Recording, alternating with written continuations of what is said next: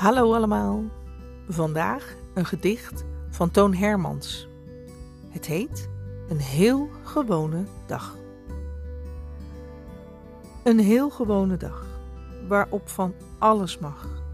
Van ditjes en datjes, verhalen bedacht, van belangrijk tot noodzakelijk geacht. Een dag waarop alle bezigheden worden geschat, of je nu plezier of verdriet hebt gehad. Met deze dag zul je het moeten stellen. Of je werkt, luiert of veel moet bellen.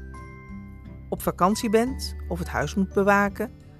Een gewone dag om een praatje te maken. Een dag die jouw activiteiten verwacht. Waar de hele dag koffie, thee of een borrel op je wacht. Die heel veel vraagt van je energie en je kracht van het ochtendgloren tot mogelijk diep in de nacht. Wat ik je wel vragen mag, doe ook gewone dingen deze dag.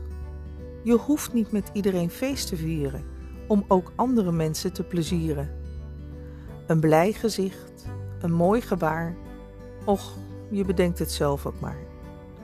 Deze dag is voor jou pas echt fijn als er aan het eind twee of meer blije mensen zijn. Juist in deze tijd is het belangrijk om af en toe naar elkaar om te kijken. Bel eens iemand, gewoon om een praatje te maken. Veel plezier vandaag en tot de volgende keer.